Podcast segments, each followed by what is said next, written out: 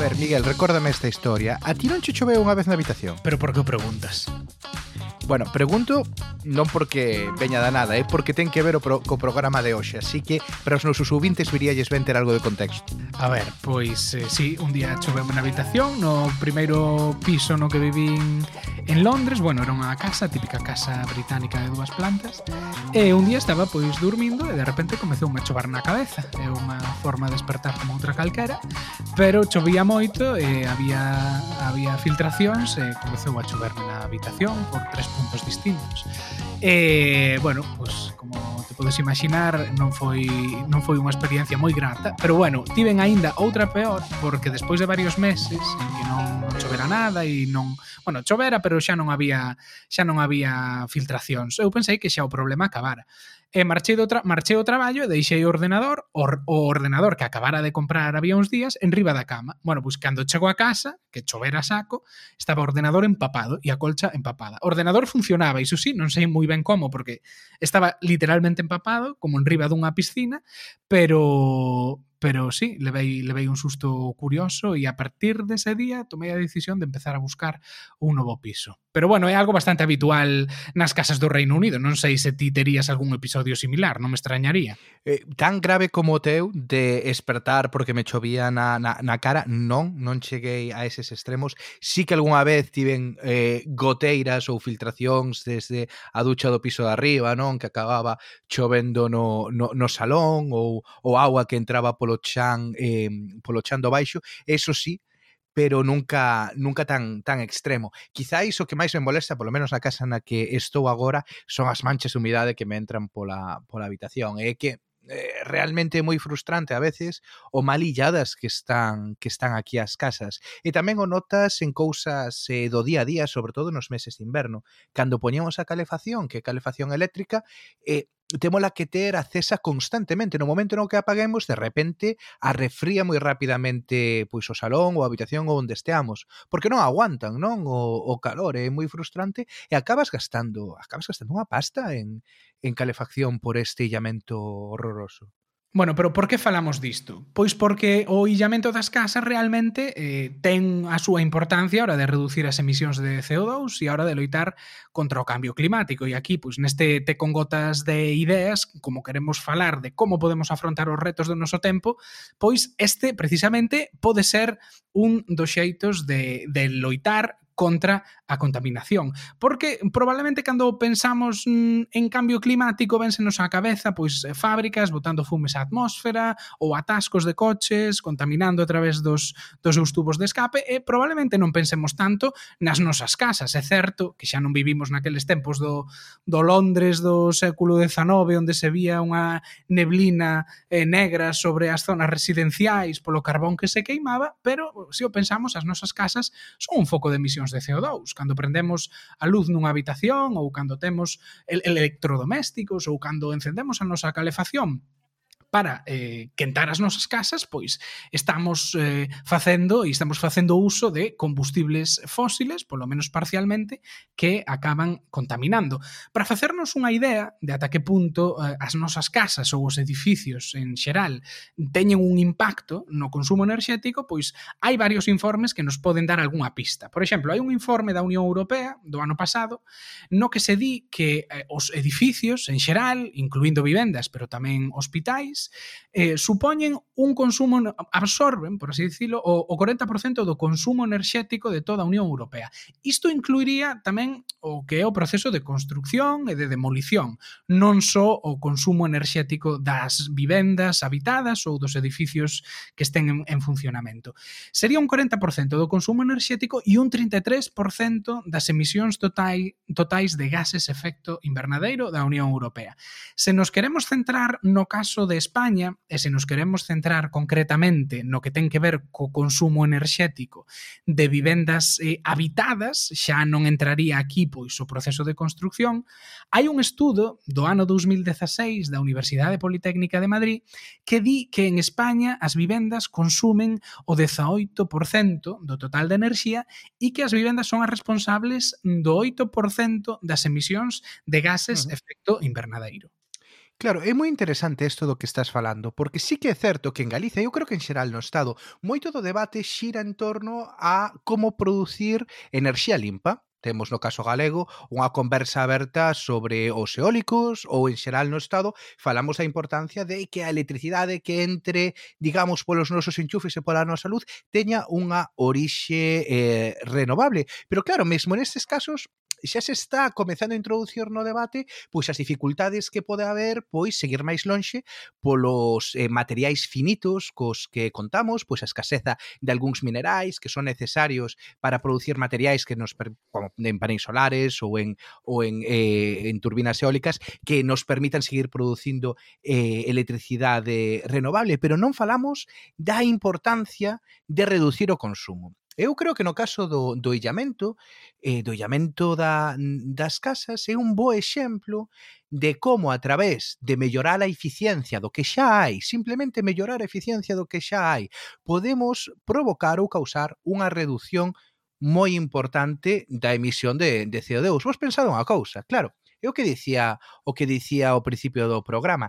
Se ti tes que quentar unha, unha casa durante o inverno ou a refriala durante durante o verán, se non tes un doble ventanal, se non tes un boillamento nas paredes, ese calor ou ese frío rapidamente vai escapar, o cal exixe pois eh, queimar máis gas ou introducir máis electricidade. Bueno, iso pódese, pódese evitar con mellores construcións e con mellor illamento da vivenda. Neste programa contamos eh, ou entrevistamos a Elena Ampudia, que é a decana do Colexio Oficial de Arquitectos eh, de Galicia que na entrevista que lle fixemos explicábanos como eh, o as, a, a vivenda ou os edificios galegos teñen un illamento pois que require melloras por mor da, da, da época na que, na, na, que se construíron e do, e do réxime regulatorio que había. Y no es un problema solo de, de, Galicia, yo creo que es un problema eh, en general de toda la, la edificación en, eh, en, España, ya que eh, bueno, la mayor parte de, de, nuestro parque edificado de viviendas tiene tiene una antigüedad superior a los, a los 30 años y, eh, bueno, esas viviendas hacían cumpliendo la normativa que había en el, en el momento y evidentemente he comparado con, con, los parámetros de, de, hoy no tiene nada, nada que ver y tienen unas deficiencias en, en cuanto a, a, la, a, lo que es la, la energía, ¿no? El, el tema de, de, de, los aislamientos de las, de las viviendas, el tipo de, de, de calderas, de, generadores que, que, utilizan, además de, otros aspectos como son bueno, eh, cuestiones de habitabilidad y, accesibilidad. Así que tenemos un, un parque de viviendas bastante, bastante envejecido. Por lo tanto, eh, sí tenemos ese, ese problema en Galicia y lo tenemos a nivel nacional. Claro, pois este asunto está dando lugar a un debate moi interesante no Reino Unido. Eh, bueno, xa falaba Duarte non do problema estructural que teñen as casas británicas co, co illamento. Ali, a isto de reformar as vivendas para facelas máis eficientes enerxéticamente, chamanlle eh, retrofitting. E agora mesmo, como dicía, pois é un tema de debate cale, quente na política británica ao punto de que un dos think tanks eh, dos que máis temos falado falado aquí no Te con Gotas, a New Economics Foundation lanzou unha grande campaña para pedir un grande programa de investimento público para reformar as vivendas eh, e illalas propiamente. Eh, entrevistamos a Aidan Dickerdem, que é o coordinador desta campaña da New Economics Foundation, e nos dicía algo que a min me chamou particularmente a atención, porque dicía que cando falamos de políticas verdes, moitas veces parece que sempre supoñen unha carga ao cidadán, mm. pois xa sexa porque supoñen máis impostos impostos ao diésel, a carne, prohibicións, máis peaxes, etc. E, sin embargo, unha política deste estilo podería ser algo moi atractivo, porque non deixa de redundar eh, no benestar do cidadán e, e no peto do cidadán. Ter casas máis eficientes enerxéticamente pode axudar tamén a forrar. Uh -huh. É unha cousa que me non sei, non sei que opinas ti, Miguel, pero a mí alucíname dos think tanks británicos, bueno, non só británicos, tamén é algo que vemos nos, nos estadounidenses, e o ben que pensan non só en facer propostas políticas ou de por onde eles creen que unha determinada área ou, ou cuestión debe ir, senón que tamén traballan moito todo o que ten que ver con vender esas ideas, con facer lobby, con intentar que, que, que se apliquen. E iso vémolo en todos os think tanks, vémolo nos de esquerda, guerras, nos de dereitas, o deste caso é, é, é, é bueno, é fabuloso. Temos aquí, pois, eso, unha organización como New Economics Foundation que ten un equipo eh, de investigadores, técnico moi rigoroso, que preparan, pois, papers eh, e, eh, eh, pois, eh, bueno, eh, documentos sobre eh, políticas concretas, pero tamén tes este caso, pois, como o de, o de Aiden Dickerdem, que el non é en sí un investigador, senón que ele é un organizador, unha persoa que se dedica a, a eso, a montar unha campaña para intentar eh, crear ruido en torno ao que ao que queren propor e, e, e a conseguir pois que, que se faga ou polo menos que entre no debate público e que chegue ás persoas que toman que toman as decisións. Entón pareceme que fa un gran traballo de, de divulgación das súas políticas, simplemente que, que non se conforman con que queden nun caixón, é algo que eu a verdade é que respeto e admiro moito deste tipo de organizacións. Claro, a verdade é que tiveron que mm, puideron aprender dos mellores, non? Porque o Reino Unido, por mm. así dicilo, foi un pouco o berce de toda esta cultura dos think tanks xa yeah. na época de Thatcher, inicialmente pois eran pois eh, principalmente de dereitas e ainda siguen sendo a, a día de hoxe, pero bueno, sí que é certo que a cultura de divulgar e de intentar vender unha mensaxe para convencer facer é eh, eh, algo que levan moito tempo traballando ali no, no Reino sí. Unido. Pois, e que mesmo se podería aplicar perfectamente para as universidades, que eu tamén entendo a frustración Tal que teñen moitos académicos e moitos investigadores con que boa parte do seu traballo, pois ao final eh, non saia deses, deses círculos, eh, e que se podería sempre facer máis non para, para divulgar. E, evidentemente hai moitas universidades eh, que xa o fan, pero bueno, é interesante non pensar en que non só importa que sexas bo técnicamente ou, ou as propostas que fagas a nivel académico ou a nivel técnico, senón tamén conseguir que entren na, na opinión pública e que cheguen ás persoas que, que toman as decisións e que teñan a capacidade para aplicalas pois como exemplo práctico do ben que fían ali o discurso e crean mensaxe, isto era o que nos contaba Aidin Dickerdem de como esta, este grande investimento para facer as casas máis eficientes pode ser algo pois atractivo e vendible para a poboación. A razón pola que creo que a rehabilitación enerxética é tan importante é porque é algo que temos que facer si ou si. Conceptos como o de illamento ou o de dobre ventá sonan moi técnicos. Non son particularmente sexys, pero é algo que temos que facer porque senón nunca acadaremos cero emisións netas.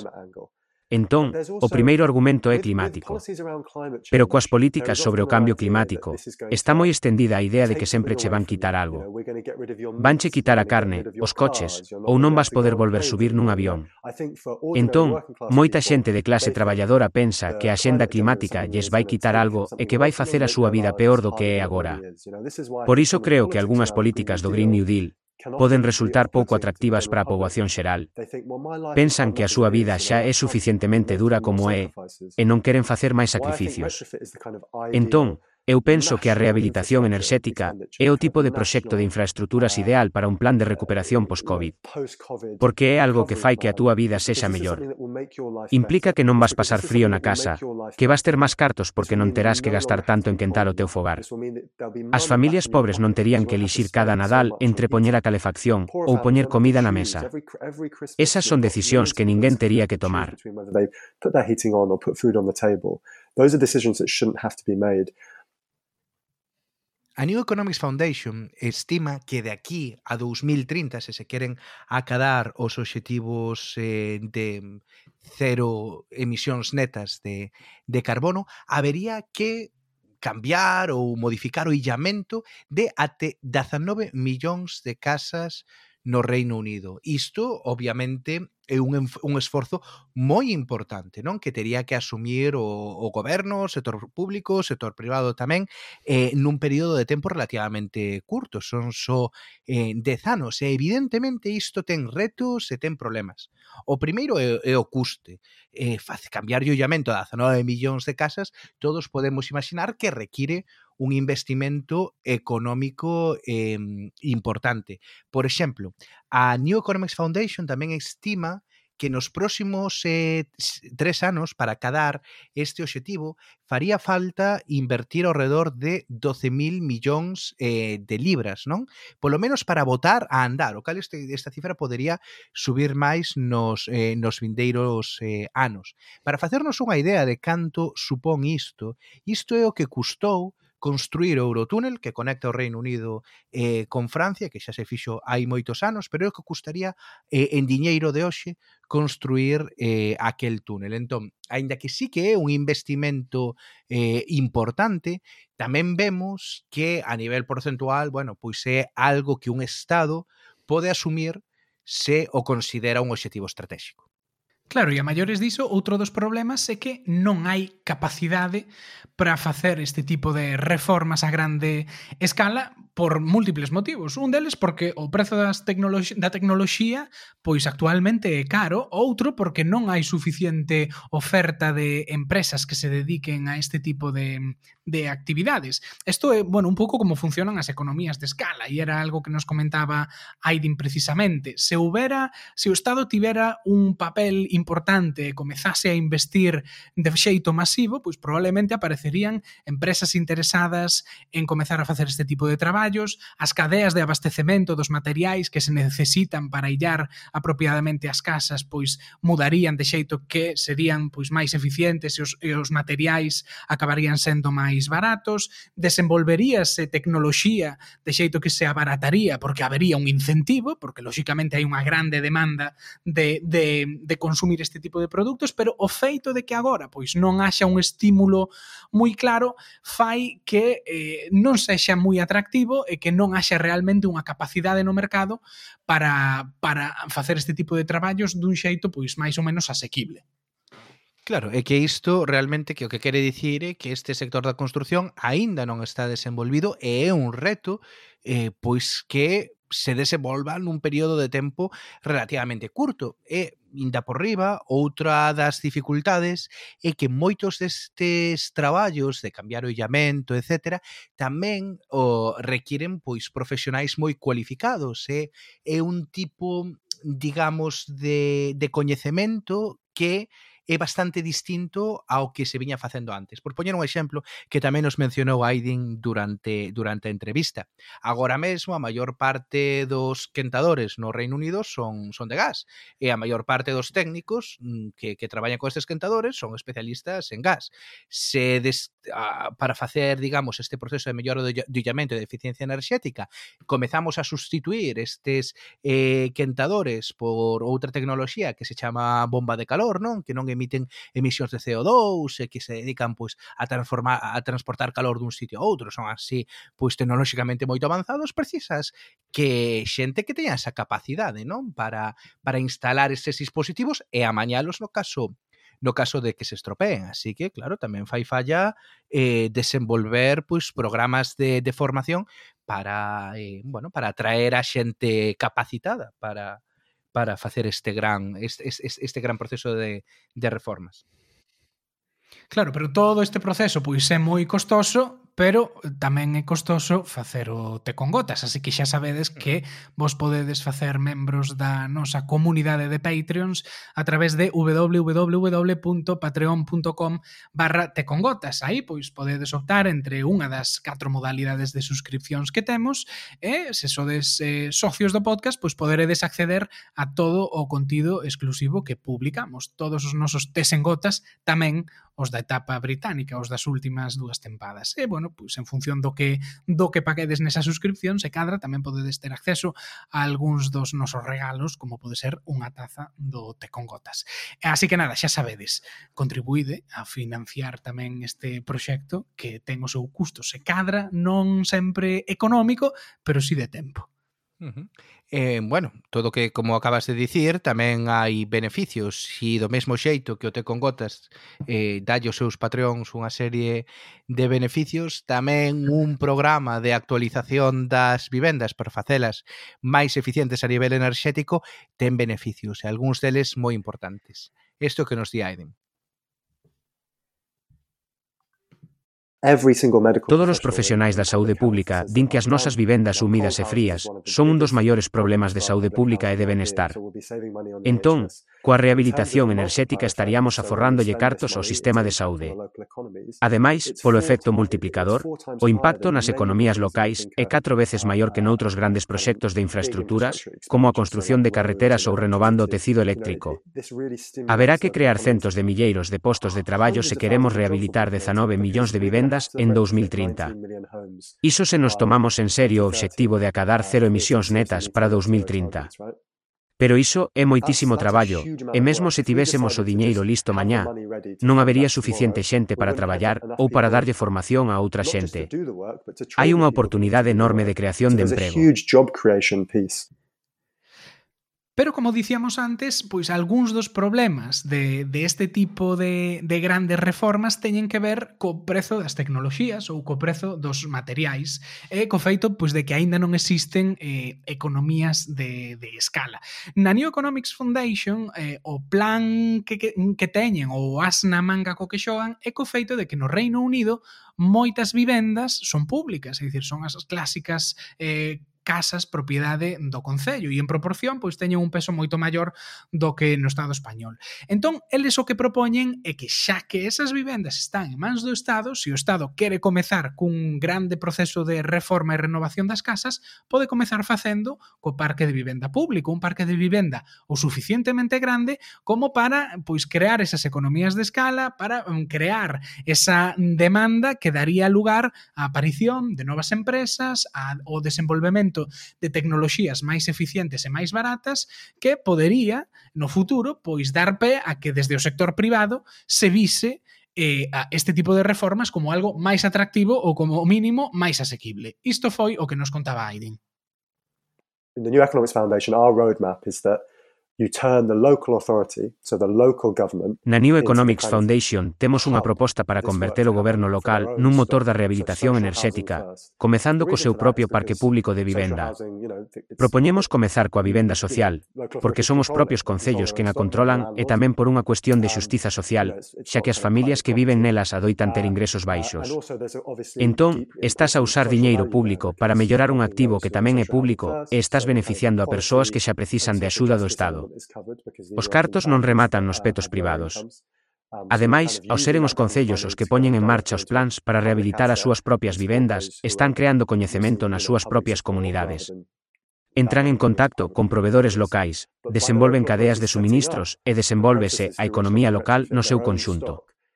Entón, unha vez que a vivenda social está rehabilitada, podes comezar cos propietarios, é dicir, co mercado dos que poden pagar por si mesmos.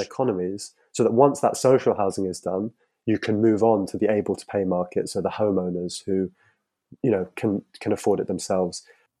Eu creo que unha cousa que tamén pasa moito cando falamos de transición ecolóxica é que hai certo escepticismo por parte de moita xente que ve impactada, pois, por exemplo, os seus postos de traballo. É dicir, se ti traballabas, por poñer un exemplo, nunha central térmica tipo as Pontes ou Meirama, e ves que pecha e perdes o teu posto de traballo de certa calidade pois pola necesidade de, de descarbonizar, iso pode crear un certa antipatía cara a moitas eh, políticas que, climáticas ou de, ou de transición enerxética porque se ven como contrarias eh, ao emprego. E eh, é habitual que a xente pois que defendemos unha transición enerxética, pois a veces falamos de da creación, non de postos de traballos verdes, e isto eh, pasa moito pois na defensa de políticas tipo Green New Deal, etcétera, pero non sempre é doado visualizar en que consisten ou en que consistirían estes traballos verdes. Bueno, no caso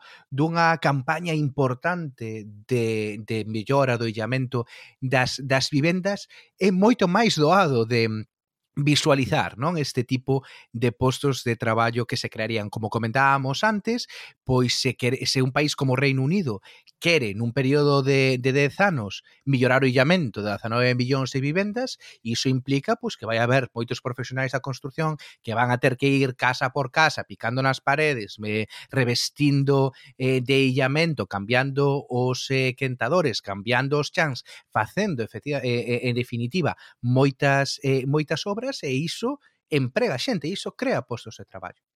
Eh, nun, nun estudio public, bueno, que cita eh, con frecuencia New Economics eh, Foundation, estimábase pois que se o Reino Unido quixese facer unha, digamos, unha actualización de eficiencia enerxética de todas eh, estas vivendas para que tivesen un certificado de nivel C, seguro que todos sabedes máis ou menos, non? Que os certificados enerxéticos das casas van máis ou menos dunha puntuación do A que é o millor ao, ao G que é o peor, pois se os metemos a todos nun C, que é, bueno, relativa unha certa eficiencia eh, enerxética, isto permitiría crear polo menos eh, 108.000 postos de traballo anuais no período 2020 a, a 2030.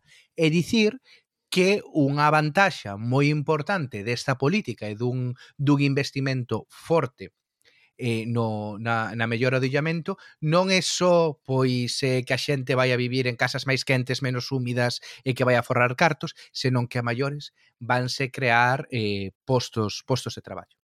Claro, pero todos estes novos postos de traballo van requerir sí ou sí eh, unha aposta por máis formación.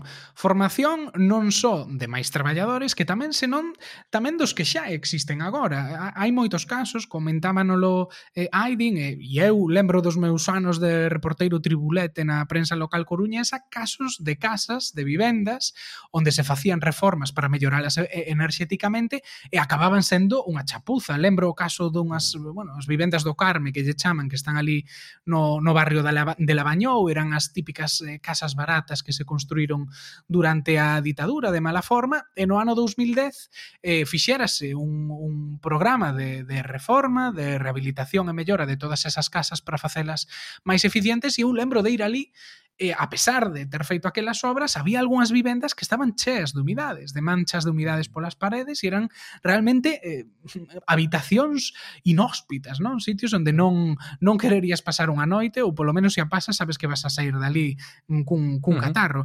Entón, sí. claro, exemplos dese estilo de chapuzas son habituais. Por tanto, eh, o, o que nos comentaba eh, Aydin precisamente era que facía falta apostar moito máis por ese tipo de formacións. No Reino Unido xa existen en cidades como como Cardiff escolas especializadas neste tipo de técnicas onde hai unha estructura e se xoga con filtracións de auga, con lanzar eh, fumes para ver por onde se filtran polas polas grietas das paredes e eh, bueno, pois traballar sobre esas estructuras para ver cal é o xeito de facelas realmente pois pois o máis illadas posibles.